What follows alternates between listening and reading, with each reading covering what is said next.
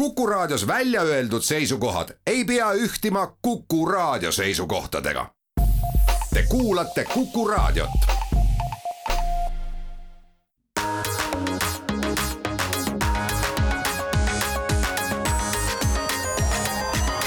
digitund tere hommikust, head Kuku raadio kuulajad, on esmaspäev, kahekümne kolmas mai. Digitund alustab ja stuudios on meil Indrek Vaheoja, Mait Tafenau ja Andrus Raudsalu. ja täna siis esimeses kahes Digitunni osas räägime natuke uudistest ja meil on täna ka rubriik Startup annab aru. ja Digitunni teises pooles liitub siis meiega selline uus Eesti startup nagu Foodi, nii et äh, oodake, oodake seda põnevusega, mis, mida nad siis meile räägivad, aga alustame uudistest, et, et möödunud nädal tõi ühe suure seadusandliku uudise Ameerika maalt, nimelt siis täiesti erakorraliselt on Ameerika demokraadid ja vabariiklased pannud oma seljad kokku, tavaliselt nad seda ei tee, on enamasti üksteise seaduseelnõude vastu ja on siis võtnud vastu sellise eelnõu, eelnõu või õigemini esitanud eelnõu projekti Äh, mis siis äh, hakkab reguleerima digitaalsete reklaamide turgu ja põhimõtteliselt siis äh, noh, ütleme, et kui seda nüüd väga täpselt lugeda, siis minu arvates ohustab päris tõsiselt nii Google'i kui Facebooki tänast äritegevust. et kirjas on seal siis nii, et, et, et kõik need ettevõtted, mille reklaamikäive on siis rohkem kui kakskümmend miljardit Äh, dollarit aastas äh, ei tohi siis olla rohkem kui ühes reklaami siis ahela noh, nii-öelda alaliigis esindatud. ehk noh, sisuliselt me teame, et Google müüb reklaame, äh, omab reklaamibörse, omab tehnoloogiat, millega reklaame näidatakse, noh, sisuliselt on terve see ahel näiteks Google'i poolt kaetud. Ja noh, nüüd siis äh, ütleme selle seaduse jõustumisel peaks Google hakkama mõtlema, et, et millisest osast ta siis loobub, et kas ta loobub oma reklaamiserveri pakkumisest või, või loobub ta siis oma reklaamibörside pakkumisest. ja noh, kui nüüd vaadata, siis Google'i äh, aastakäive vist on seal kuskil kahesaja viiekümne miljardi juures äh, ja, ja noh, ütleme, et see reklaamikäive sellest on ikkagi üle kahesaja miljardi, nii et, nii et noh, et siin mingisugusest kahekümnest miljardist on asi väga kaugel, et, et, et kindlasti ta selle regulatsiooni alla mahub. Ja Facebookil samamoodi, eks Facebooki käive on, on seal kuskil saja, ma arvan, et neljakümne, saja viiekümne miljardi juures vist. ja noh, ja see on praktiliselt kõik reklaamikäive, et seal mingit muud käivet eriti ei olegi, et, et seal paar miljardit vist tuleb äh, mingisuguste virtuaalreaalsuste pea, pea, pea, pea, pea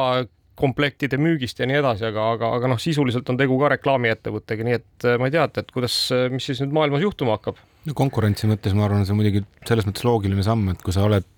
mõlemal pool ehk siis nii hulgi kui jaemüügiäris, eks ju, siis päeva lõpuks sul on väga raske kuidas ma ütlen siis konkurendina tulla turule, sellepärast et sa oled kogu aeg ebavõrdses olukorras, sa ei suuda niisugust turgu nullist enam kuidagi võita. ja noh, minu arust see muul maailmas on ka väga levinud, et, et ikkagi, kui sa tegeled hulgikaubandusega, siis sa tegeled hulgi ja jaekliendi ei teeninda ja vastupidi, et, et iseenesest selles valguses on see mõistlik. no, no mine võta kinni, eks, et, et samas noh, internet on ikkagi maailmas nagu muutnud igasuguseid äh, teenuse ülesehitamise ahelaid ja noh, ega lõppkokkuvõttes nagu tehasest otse kliendile müümine on ju kõige efektiivsem meetod, eks, et et et, et, et, et selle tõttu noh, ütleme, et erinevate vahendajate noh, või noh, nii-öelda sunniviisiline vahendajate kihtide tekitamine või erinevate ettevõtete tekitamine vahele ei ole ka kindlasti hea, aga noh, ega, ega teistpidi noh, loomulikult ühe suure nii-öelda tegevusala monopolism tekitab ka igasuguseid probleeme, et küll on ju ka Google'it süüdistatud siin läbi ajaloo selles, et et on salaja tehtud mingisuguseid selliseid noh, noh, kuna ju keegi tegelikult ei tea, et kuidas see Google'i näiteks reklaamioksjon töötab, eks, et, et noh, et kui nüüd tavakuulajale ära, ära selgitada, siis tegelikult toimib see, noh, peaks see teoreetiliselt siis toimima nii, et et noh, kõikidel veebisaitidel on saadaval mingisugused kohad nende veebilehtede sees, kuhu siis peaks reklaame näitama ja noh, ja sellel hetkel, kui siis seda lehte küsitakse, siis Google paneb selle nii-öelda need reklaami näitamise kohad kõik oksjonile ja siis noh, oksjoni võitjate reklaame seal näidatakse ja see kõik toimub seal murdosa sekundite jooksul, nii et noh, meie jaoks see leht ilmub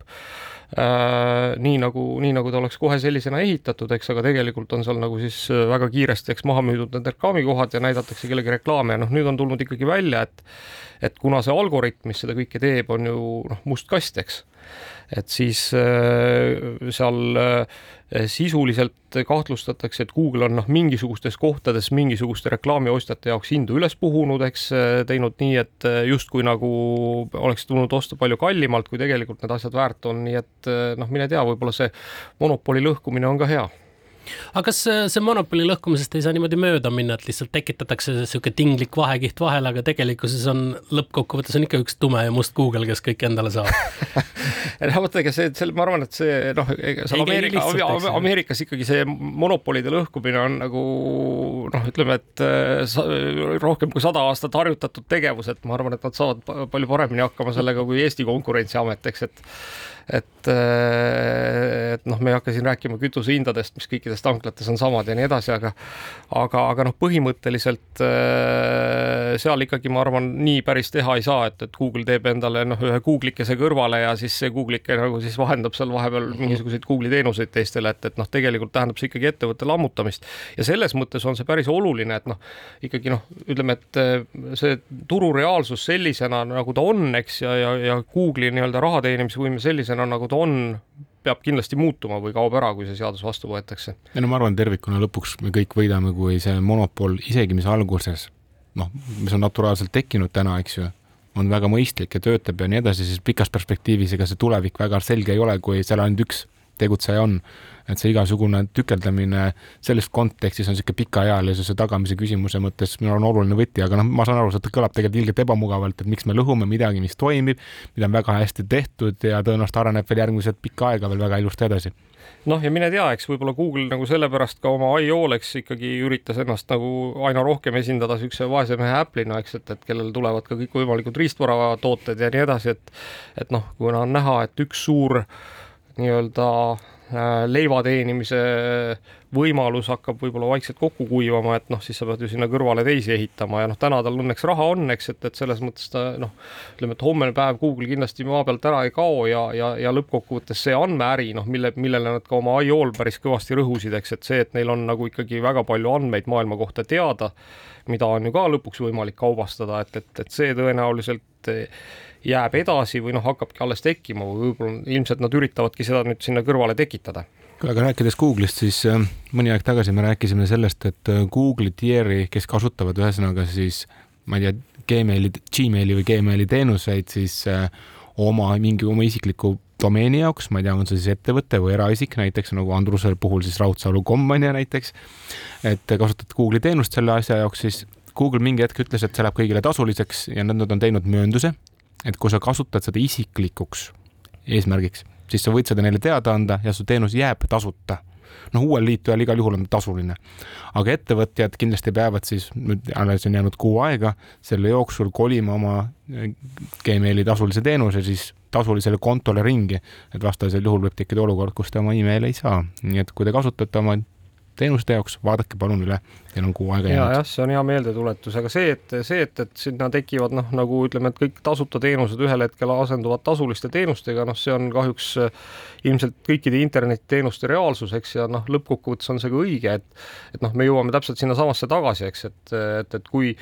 kui me millegi eest midagi ei maksa, siis tõenäoliselt on see noh, oleme me kaup me ise, eks, et, et kuskil see ju raha peab tulema ja kuskilt see raha peab tekkima, et et, et minu arust on palju, palju noh, lihtsam ja ausam maksta Google'ile ja saada aru, mis sa selle eest saad, kui see, et sa täpselt ei saa aru, et kuidas sind siis on kaubaks muudetud kogu selle protsessi käigus. kusjuures, kui me räägime andmete privaatsusest, siis ja eelmine kord me rääkisime sellest, kuidas Google on tõenäoliselt maailma kõige suurem andmete omanik, eks ju, Apple'i ja Facebooki kõrval.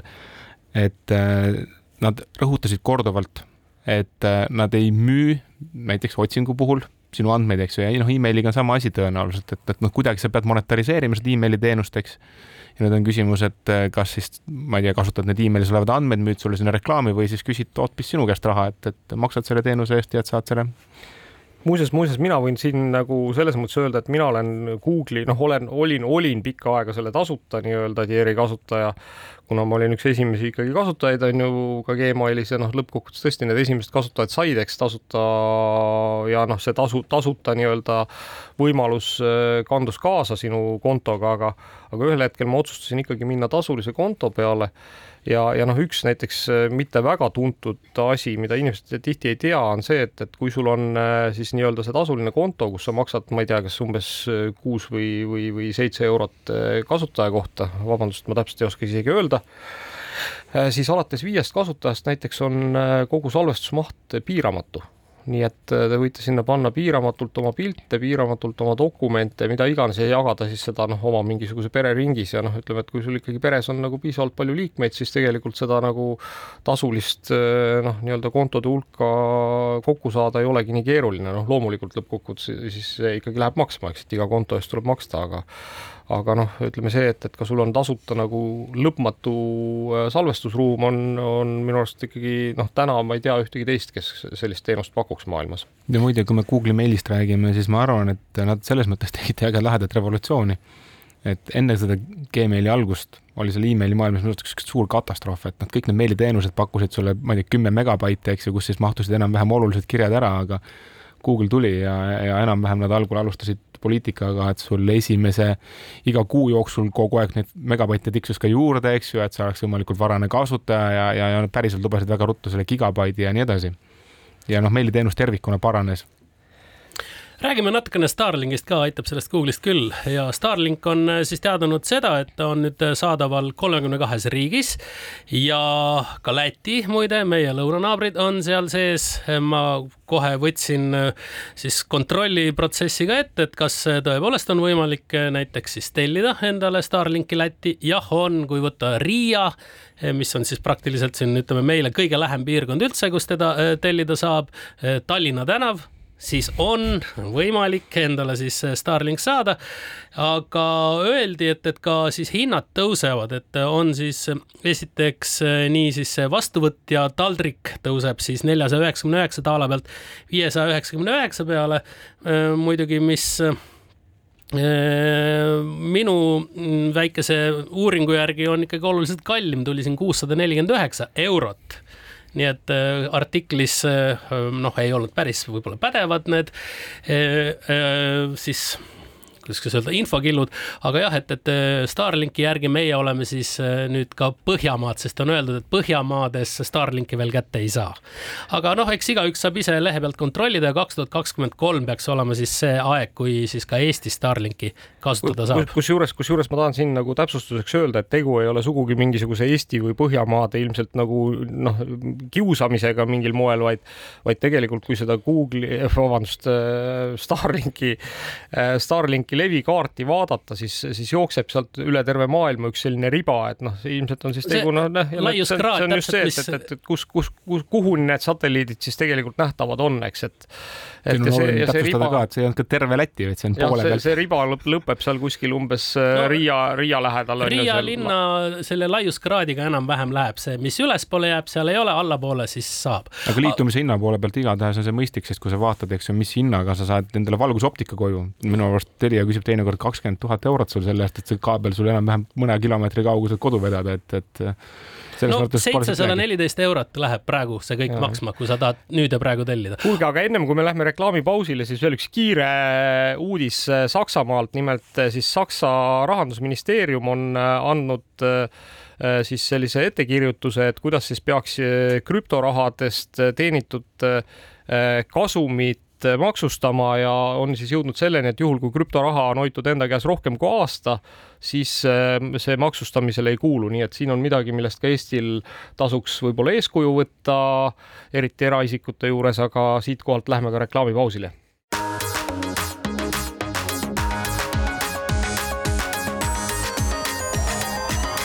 Digitund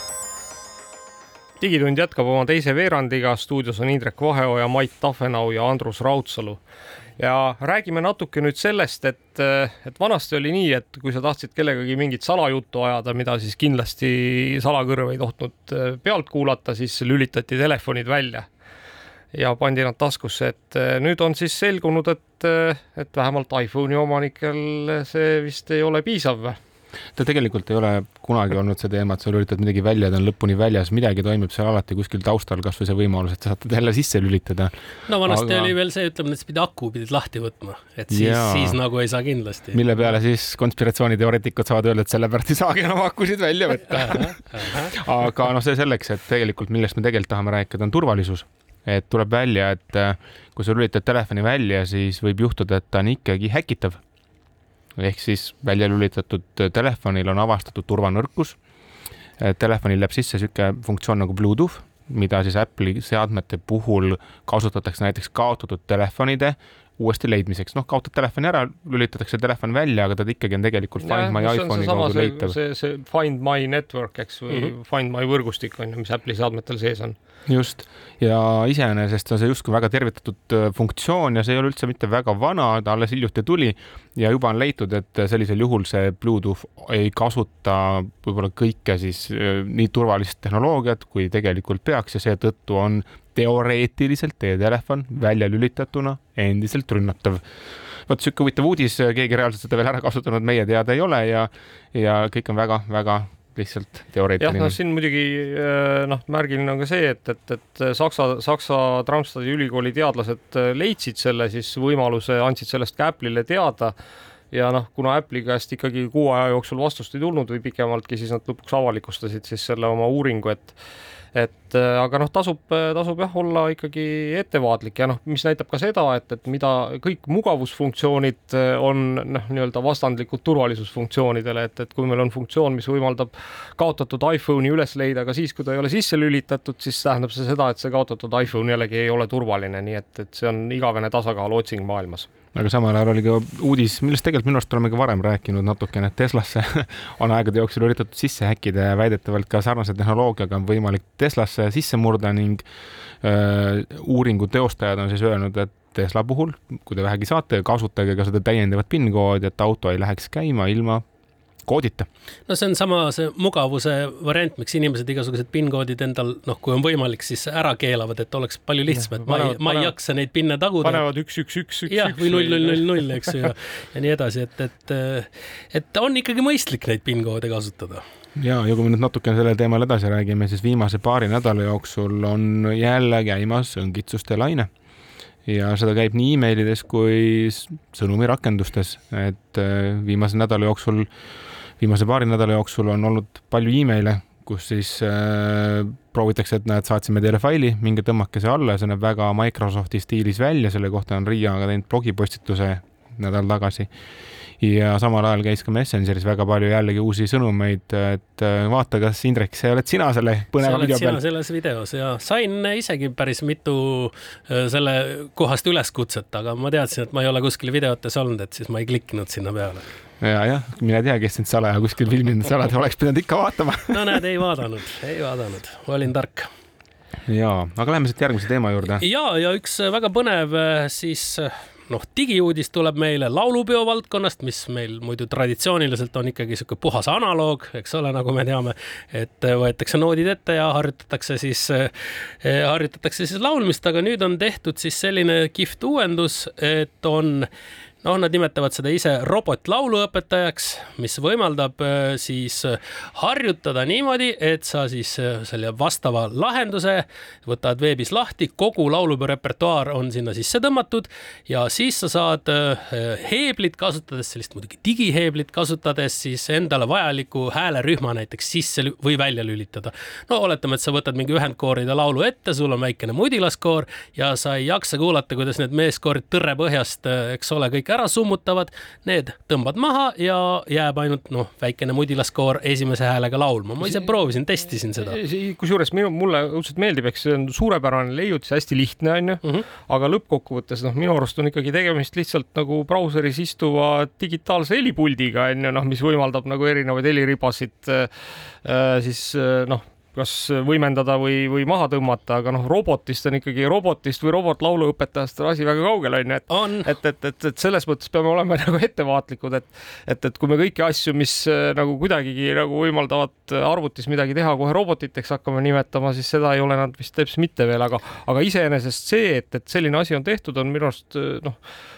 suurepärane näide sellest, kus mitte väga keerukate lahendustega on võimalik leida või noh, luua mingisugune väärtus, mis tegelikult on väärtus väga paljude inimeste jaoks. ja, ja see ei ole siin ainult laulupeo jaoks, vaid noh, juba pidi olema väga palju huvilisi erinevaid, kes tahavad sellist analoogset lahendust siis kasutada, et mingeid, mingeid osasid siis maha tõmmata ja midagi võimendada, et neid noh, neid võimalusi ilmselt tekib päris palju. ja, aga siit võib-olla üks hoopis äh, teisest laadist uudis, äh, natuke põllumajandusvaldkonnast ka, et, et siis John Deere on siin äh, kõvasti kokku ostmas ettevõtteid ja on viimati siis omandanud ühe siis äh, tehisintellekti ettevõtte nimega Light ja, ja noh, ütleme, et John Deere'i siis noh, seoses selle Lighti omandas, omandamisega nad siis rääkisid ka oma laiemast nägemusest sellest, et et kuidas tegelikult ühel hetkel ikkagi kogu see põllu peal toimuv asi või noh, ütleme siis ka põllu kõrval ja mis iganes võiks olla täiesti autonoomne ja, ja, ja see võiks olla siis toimuda küll robotite juhtimisel ja noh, nagu me teame, siis John Deere'il ju täna tegelikult isesõitvad traktorid on olemas, mis, mis põldu künnavad ja ja noh, ütleme, et võib-olla mõnes mõttes sellises noh, nagu nii-öelda kuidas ma ütlen siis suletud ökosüsteemis nagu üks farm on, eks, et on, on seda võib-olla ka lihtsam ehitada no see on jah, väga vinge ja suur arendus, aga ma ütlen, et ta ikkagi eh, praeguses seisus meie Eesti väikestel põldudel ilmselt oleks, oleks keeruline toimima saada, et ta tahab ikkagi ka, mulle on tundunud niimoodi ikkagi siukseid väga suuri alasid, mille peal mööbeldada ma ei ole kindel, noh, vaata ega ju kogu see, noh, ka see, ütleme nüüd seesama see Light, eks, millega ta tegeleb, on ju see, et et ta tegeleb eh, sellesama noh, noh, kuidas siis öelda, traktorile nagu nägemise tekitamisega, eks kõige lihtsamas keeles on ju mm, -hmm. et et eh, noh, mul on selline tunne, et, et vastupidi, et kuskil Ukrainas, eks, kus eh, tõepoolest nagu üks vagu võib olla nagu viis kilomeetrit või kümme kilomeetrit pikk, eks, ja noh, see traktor paneb tõesti nagu silmapiirini, eks noh, sirget joont mööda on, on, on võib-olla palju lihtsam, eks, tekitada mingisugust sellist noh, ütleme, et autonoomset lahendust või noh, ütleme, et ütled talle, et sõida otse lihtsalt ja, ja kuidagi GPS-i järgi sõidabki otse, eks, et, et versus see, et, et noh, kui sul on nagu meie niisugused väiksed äh, sopilised käänulised põllud on ju. no Ukraina puhul muidugi oleks päris põnev ka selline lahendus, et kui siis noh, on see pikk viiekilomeetrine vagu ees, aga mõni selline vaenlase militaarobjekt on lähedal, et siis kohe rakendub käsk, et too ära. just, just. võetakse minema aga lähme siitkohalt äkki reklaamipausile ja oleme siis hetke pärast juba meie külalistega tagasi.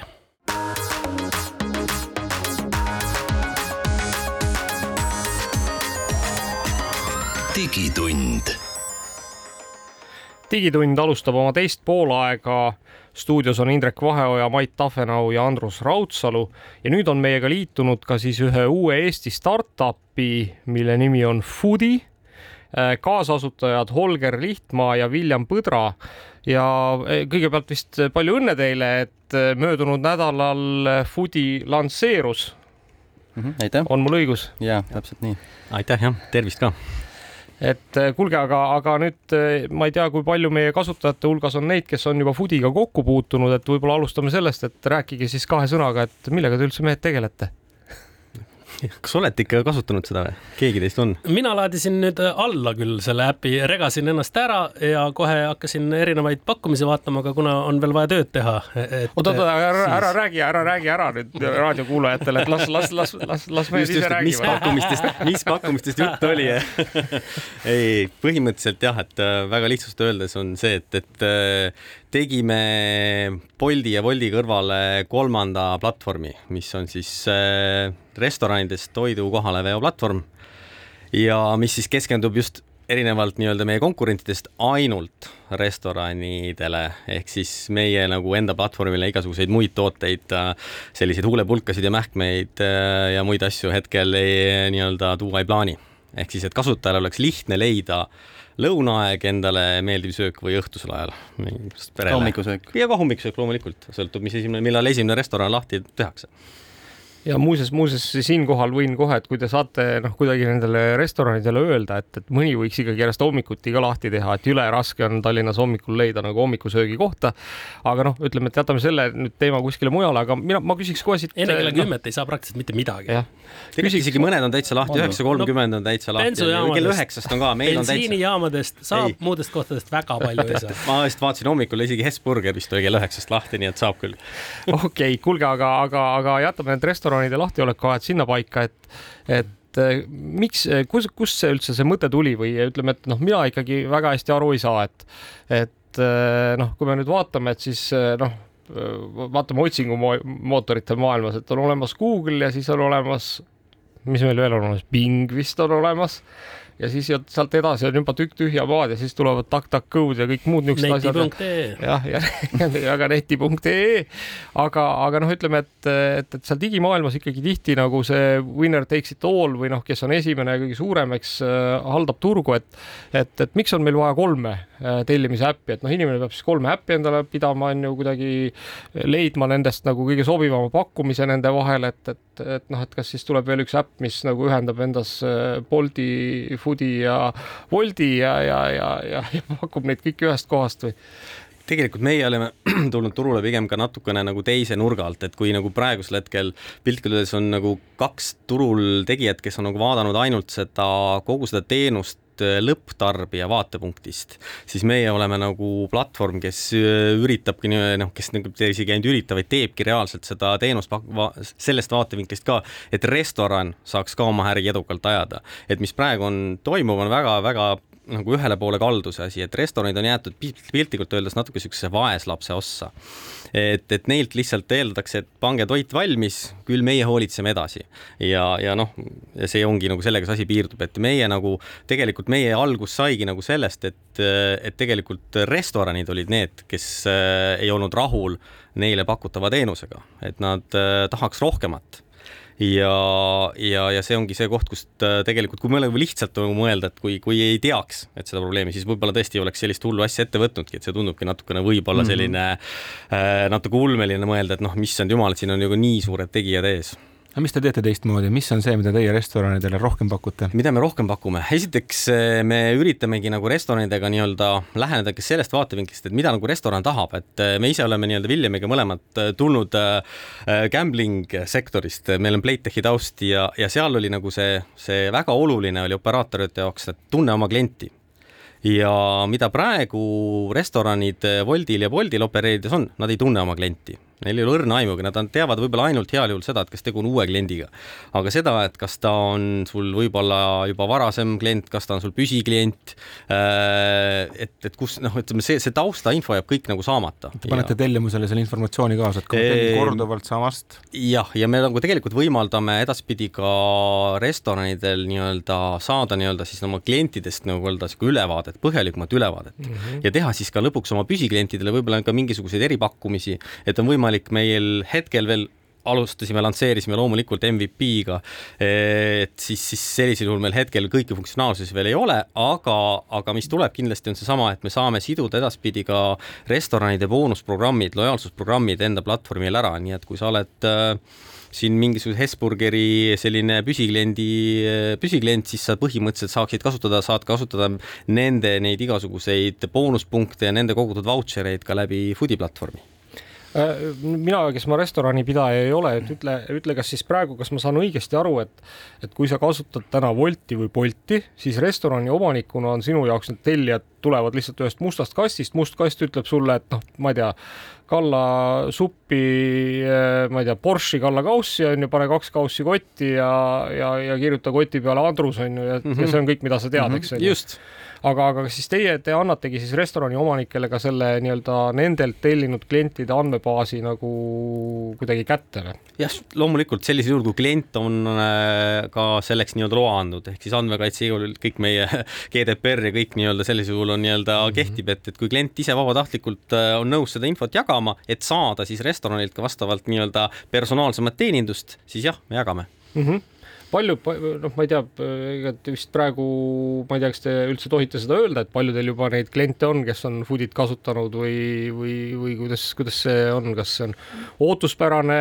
rohkem, vähem? Äh, ütleme nii, et praegu täpselt detailselt nagu numbreid veel ei avaldaks, aga ütleme nii, et me eelmisel nädalal alles avalikult käivitasime oma teenuse ja Eh, need numbrid on olnud üle meie ootuste, et mm -hmm. me arvestades ka seda, et kui me käivitasime, siis nii Bolt kui Wolt hakkasid ka väga agressiivselt kampaaniat tegema ja Bolt tegi ka tasuta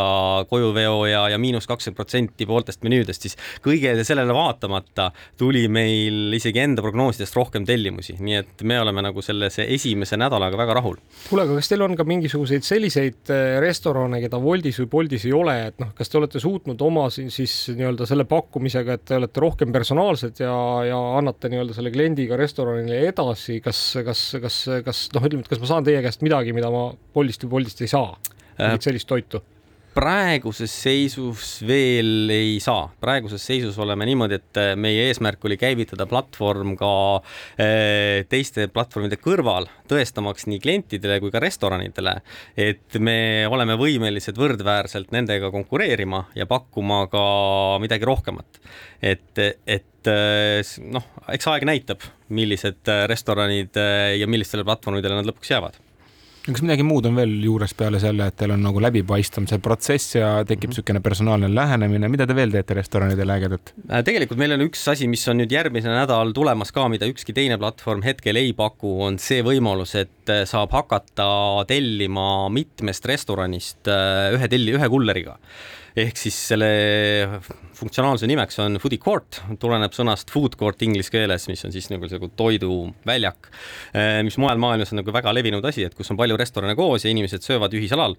et me toome selle kogemuse nüüd siis selle virtuaalmaailma ehk siis piltlikult öeldes sa saadki valida lähedal asuvatest restoranidest, eh, kolmest restoranist endale erinevad toidud. ja see on sinu jaoks üks tellimus okei okay,, et kui mina tahan Vapianost ja Andrus tahab hoopis näiteks, ma ei tea, KFC-st, siis me saame ühe tellimusega teha, et me ei pea eraldi tellimust enam tegema. just täpselt nii, et te saate eh, tellida koos niimoodi, et tuleb üks kuller, toob teile mõlemale erinevad toidud eh, ja toob sellesama ühe kulleri tasu eest ehk siis siin on nagu kaks asja, teie säästate raha ja kokkuvõttes meie säästame ka ühtepidi tervikpildis kogu seda loodust ja kõike, et me ei lihtsalt ei sõiduta kullereid eh, nii-öelda üksikute toidukottidega mööda linna ringi, et. kuule, mulle tundub nüüd õigesti, et põhimõtteliselt see sõidu jagamine, mida me oleme kogu aeg rääkinud ja mis iganes optimeerimine, et teie päriselt ka nagu lahendate seda, et kõik teised räägivad, et me oleme justkui jagajad, aga tegelikult sa sõidad üksinda selles taksos. et, et see on üks, üks asi, mis ma nagu endale meeldib väga nagu võrdluseks tuua, et mis täna, tänasel päeval äh, toidu kuller, kullerdamise maailmas toimub, on see, et, et kui me mõtleme linna, kus oleks nii-öelda nii-öelda transpordivahendiks oleks ainult takso. ehk siis kõik linnainimesed sõidavad ainult taksodega ja seal taksos istub ta üksi, et ta isegi ei võta sõpra kaasa. et, et see on see, mis praegusel hetkel äh, toidukulleri maailmas toimub ja meie eesmärk on nagu tegelikult see foodie court on ainult üks meetod selleks, et tegelikult on meil tulemas veel muid asju sellel ka, kuidas nagu seda, seda nii-öelda muuta selliselt, et reaalselt oleks rohkem tellimusi ühel kullerilt, selliselt ka, et see toidu kvaliteet ei kannataks, et me teame, et äh, konkureerivatel platvormidel toimub ka nii-öelda mitme tellimuse korraga vedu, aga see toimub nagu selliselt, et kus kaks täiesti erinevas asukohas klienti, kes on natukene erinevatel aegadel tellinud äh, ja restoranid võib-olla on enam-vähem lähestikku, aga, aga tulemus sellise, sellisel meetodil on see, et üks nendest klientidest alati kannatab ehk siis ühe kliendi tellimus istub seal autos kakskümmend minutit, võib-olla kolmkümmend minutit rohkem, sõltub, sõltub olukorrast. Ja, ja ikka tuleb sinna nii-öelda juba jahtunud toit. et meie nagu oleme vaadanud just seda, et, et, et kuidas seda lahendada, et, et me ei taha pakkuda lihtsalt transporti, et me üritame teha ka reaalset logistikat aga kus te praegu toimetate, kas ainult Tallinnas äh, või mujal ka? Ja äh., ja kas, kas ja kuidas äh, jõuavad siis food'i tellimused Nõmmele edaspidi? Isiklikust huvist siin väga tore, väga tore, ei kindlasti praegusel hetkel alustasime Tallinnas, loomulikult keskendusime selleni, et saaks nii-öelda võimalikult selliselt palju restorane esialgu pardale siin nii-öelda kesklinna piirkonnas aga nüüd on meil nii-öelda juba tekkinud piltlikult öeldes ras-, järjekord ukse taha restoranidest, kes soovivad liituda ja see on üle Tallinna et läheme edasi ka, et loomulikult me Tallinnaga ei piirdu, et, et äh, suvel on meid oodata, ütleme juba juunikuus on oodata meid Tartusse, äh, Pärnusse ja tõenäoliselt ka Kuressaarde.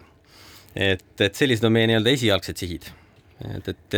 et kui on veel linnasid ja, ja kui on nõudlust, siis ei, ei ole nagu mingisugust, ütleme, põhjust, miks me ei peaks ka sinna edasi liikuma. no kulleritel on ka mingisuguseid eeliseid võrreldes teistega? Äh, kulleritele tekib ka nagu see peamine eelis, et seesama, kui me räägime sellest food court'ist, siis food court'i tellimusel äh, nad teenivad nagu selle iga selle pealevõtu eest, lisapealevõtu eest, mis on sisuliselt kaks sammu jaotada nagu järgmise restorani seal, äh, teenivad ka nagu lisatasu. nii et nende jaoks see üks sõit muutub selle võrra ka nii-öelda kasumlikumaks ehk siis me, nad teenivad rohkem selle ühe sama sõiduga, kui nad viivad äh, food court'i tellimust võrreldes lihtsalt tavatellimusega mm. -hmm. aga nüüd äh, ma lihtsalt nagu natuke tahakski aru saada, et, et sa ütlesid, et te justkui nagu optimeerite logistikat, eks, et kas teil on nagu selle logistika optimeerimisel veel mingeid pikemaid plaane ka, et noh, ma ei tea, piltlikult öeldes äh, noh, suur buss sõidab siis siit kesklinnast kuhugi Nõmme piirkonda onju ja sealt siis läbi laagri tagasi, jah. ja, ja, jah, ja siis sealt noh, need üksikud kullerid viivad nagu pitsad sealt bussist laiali, onju. Mhm, kindlasti, et äh, mis Olger just mainis, et, et me tegeleme nii-öelda siis niisuguse selle kullerluse optimi-, optimiseerimisega, et äh, üks suuremaid plaane tegelikult on äh, näha, mis see piik on nii-öelda nii Woldi, Woldi puhul me teame tegelikult see probleem, mida Wolt ja Bolt suuresti lahe, lahendavad, on, on lõunapakkumised. Ja seal toimub äh, suur niisugune piik, mis läheb üles, siis ja kuidas sa suudad siis seda demand'i nii-öelda lahendada, et seal me oleme samamoodi mõelnud välja niisuguse kombinatsiooni foodie court'ist ja grupi orderiga kokku panna, et äh, kui me Woldi inimestega rääkisime, siis nad mainisid, et niisugune äh, grupi tellimine ei ole väga nagu populaarne, aga kui sa võtad grupi tellimuse ja annad ainult ühe restorani valikusse, siis äh, suhteliselt loogiline, et see on nagu keeruline probleem, mida üritatakse nagu lahendada.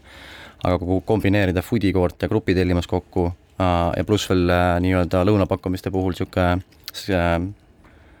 ajatatud tellimused, et sa tahad, tahad lõunat süüa kell kaksteist, siis tulebki nii-öelda suurem buss ühes foodie court'is, kus me siis tegelikult suudame kokku korjata office building utest nii-öelda suure hulga tellimusi ja deliver ida nad teatud ajaks äh, kontorihoonete juurde. Me läheme nüüd siit reklaamipausile ja oleme juba hetke pärast Foodiga tagasi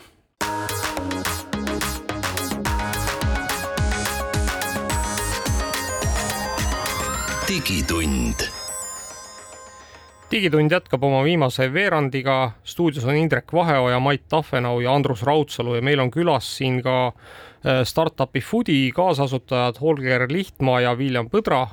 ja räägime siis edasi foodi teemadel, et äh, eelmises saate osas lõpetasime sellega, et, et foodi tegelikult hakkab pakkuma siis suurtele kontoritele sellist võimalust, et et noh, nii-öelda tekitada lõunaaeg või, või, või kutsuda kohale nii-öelda food truck, eks, et kes, kes toob, kes toob kontorirahvale süüa, et et rääkige, see tundub mulle päris hea ja äge idee, et rääkige natuke lähemalt sellest jah, see haakubki selle nagu eelmise osaga, kus me mainisime seda, et noh, mis toimub, on see, et nii-öelda taksod linnas, ehk siis see meie, meie nagu nägemus ongi luua sellesse nii-öelda sellesse taksode virvarri juurde ka lõpuks see nii-öelda see mõistlik ja soodsa hinnaga ühistransport. ja, ja mida saab teha, on täpselt see, et noh, peamine koht, mis me näeme, et lõuna ajal on tegelikult noh, on väga palju inimesi, kes tahavad süüa, sest loomulikult nad ei hakka, keegi ei tee kontoris ise süüa, no mõned ikka teevad, aga enamasti see piirdub mingi väga lihtsa asjaga. et, et siis ongi nagu see, et, et tegelikult tegelikult äh, on võimalik äh, nendes kontorihoonetes grupeerida tellimusi palju suuremateks jälle niisugusteks nii-öelda ühistellimusteks ja tuua neid kohale ühe korraga. Et mida saab nagu piltlikult öeldes teha, on see, et, et võtta sealsamas kontorihoones, et tekitada selline nii-öelda virtuaalrestoran, et, et sa võtad nii-öelda oma telefoni lahti, valid äh, erinevate menüüde vahel, mida sa tahad, paned tellimuse kirja ja lõpuks kella kaheteistkümne aeg tulevadki nagu näiteks sul noh, erinevatele inimestele erinevad söögid kohale. Kas me saame kuidagi selle ka ära lahendada, et kui mina tahan maksta enda asja eest ja Andrus tahab maksta enda asja eest, et me saame nagu eraldi, et mina ei pea eraldi raha hakkama koguma, et Indrek, tee mulle nüüd ülekanne. jah, täpselt nii, täpselt nii, et see on ka üks osa, kuidas see grupitellimus tööle hakkab, ongi see, et mis on ka praegu väga suur takistus selle grupitellimuse nii-öelda kasutamisel, on see, et, et noh, üks inimene peab maksma ja siis ta peab pärast võlga sisse nõudma. Ja see on niisugune koht, mis eestlane väga hästi ei taha teha no ja seda enam, kui on väga palju rahvast ka, et siis võib-olla ei olegi nii palju rahalisi vahendeid et, et nagu kõik, kogu gängi eest ära maksta, eks. ka see, ka see on väga oluline. no kuidas see protsess käib, et kui mina nüüd tellin, kas ma pean Indrekuga kokku leppima või siis lausa, et ma näen, et Indrek juhuslikult tellib samal ajal ma, ma võib-olla selgitan selle lahti, et seal on kaks, kaks lähenemist, et mis me oleme nagu välja äh, töötanud, et äh, üks on niisugune grupi tellimine, mis siis, äh, kus sa saad oma sõpradega koos tellida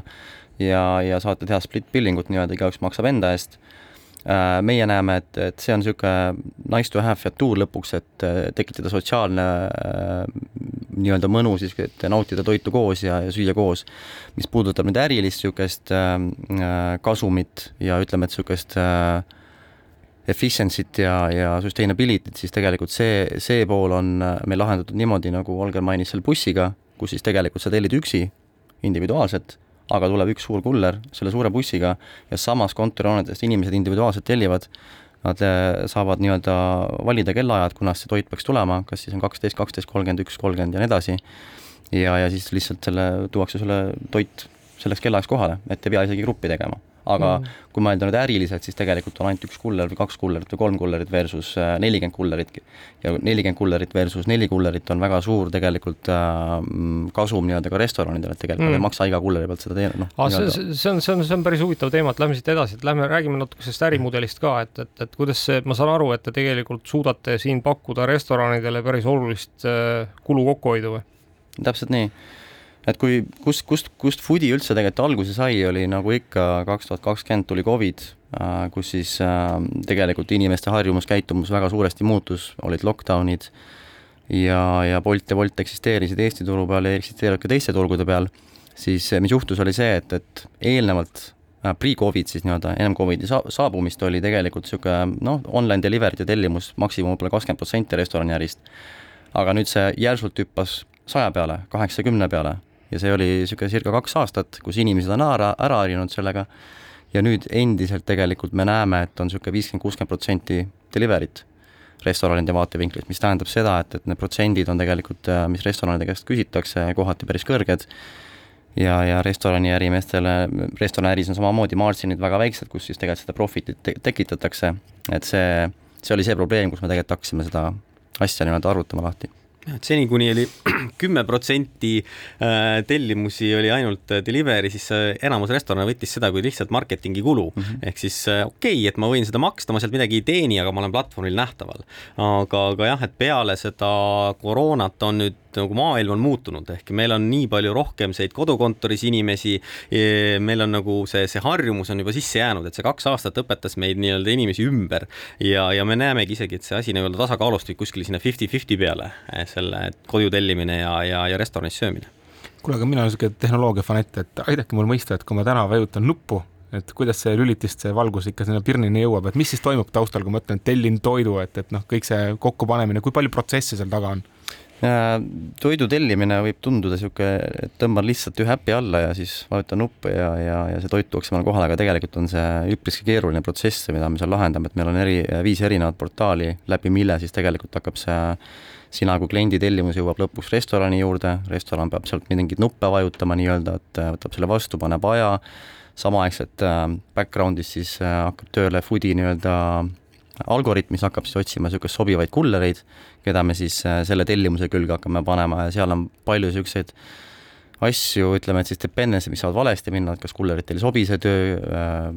on liiga kaugel, et üritada täpselt niisugust ideaalset delivery aega saada ja kokku panna, on niisugune päris keeruline protsess. ja sealt omakorda, kui kuller selle toidu seal lõpuks peale võtab, siis äh, samamoodi kuller peab vajutama seal, olema teatud range'is nii-öelda äh,, kus me siis tegelikult track ime, kuidas ta liigub kui kaugel ta täpselt on ja samamoodi ajaalgoritmid, kuidas me arvutame, et, et kui kliendina sa näed, et sul jõuab toit kahekümne viie minuti pärast, kuidas see kakskümmend viis minutit ikkagi täpselt sinna tekib, et see on nagu omakorda veel niisugune keeruline teadus, et, et äh, algoritmi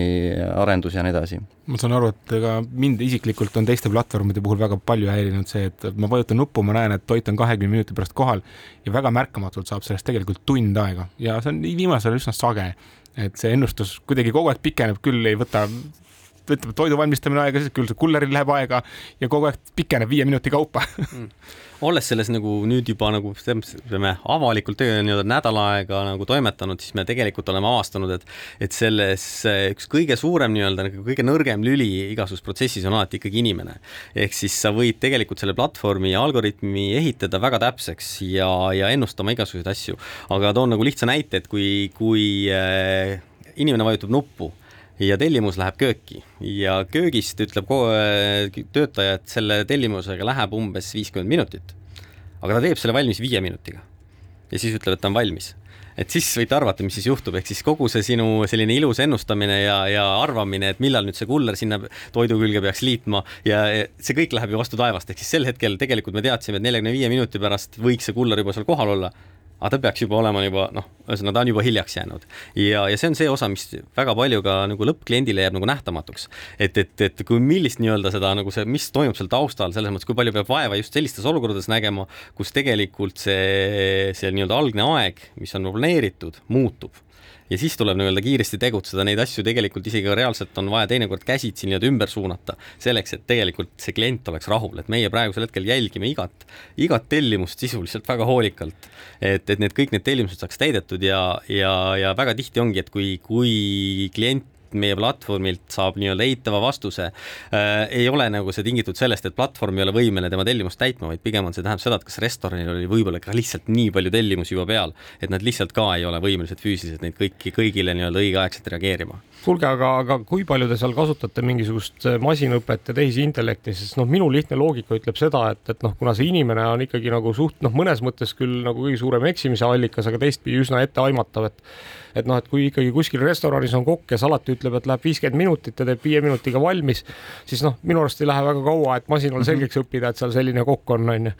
ja, ja, ja noh, nii edasi, eks, et, et, et, et noh, tõenäoliselt on ka mingid, et noh konkreetsete toitude nagu valmistamise ajad, eks äh, on nagu noh, sarnased või noh. ja lõunaaja pinge ja nii edasi. just ja noh, ja mingitel hetkedel nagu koormuse suhtes, eks on seal mingi funktsioon, et, et kui kaua mingi toidu valmistamine aega võtab nagu niisuguse koormuse juures, et et, et kas, kas te mingisuguse sellise asjaga siis tegelete ka, et, et te suudate tegelikult nagu hakata aina täpsemaks noh, ajama seda nii-öelda ennustust ja noh, ütleme, et kuni selleni välja ju, et tegelikult lõppkokkuvõttes, kus ühel hetkel restoranipidajatele öelda, et tõenäoliselt tellitakse sinu noh, ma ei tea, eks äh, restoranis täna nagu neliteist portsu krõbekana ja, ja, ja, ja kuus portsu nuudleid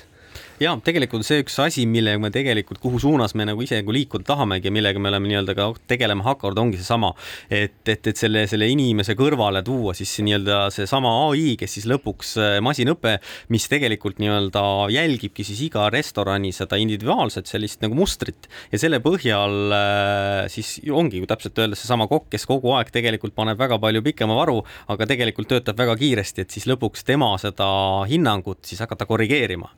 et aga selleks on vaja koguda nagu piisavalt palju seda nii-öelda nagu piltlikult öeldes kilomeetreid, et, et, et, et see ennustus äh, oleks piisavalt täpne, et me seda julgeks ka nii-öelda reaalselt äh, implementeerida. Kuulge, aga siinkohal äh, aitäh teile, Foodi tiim, et äh, minu arvates igasugune konkurents turul on tervitatav, mida rohkem pakkujaid, seda paremad hinnad on tarbijatel ja seda parem teenus ka, nii et äh, soovime teile tuult tiibadesse ja juba Digitunni kuulajatega kohtume nädala pärast. aitäh kõigile! aitäh!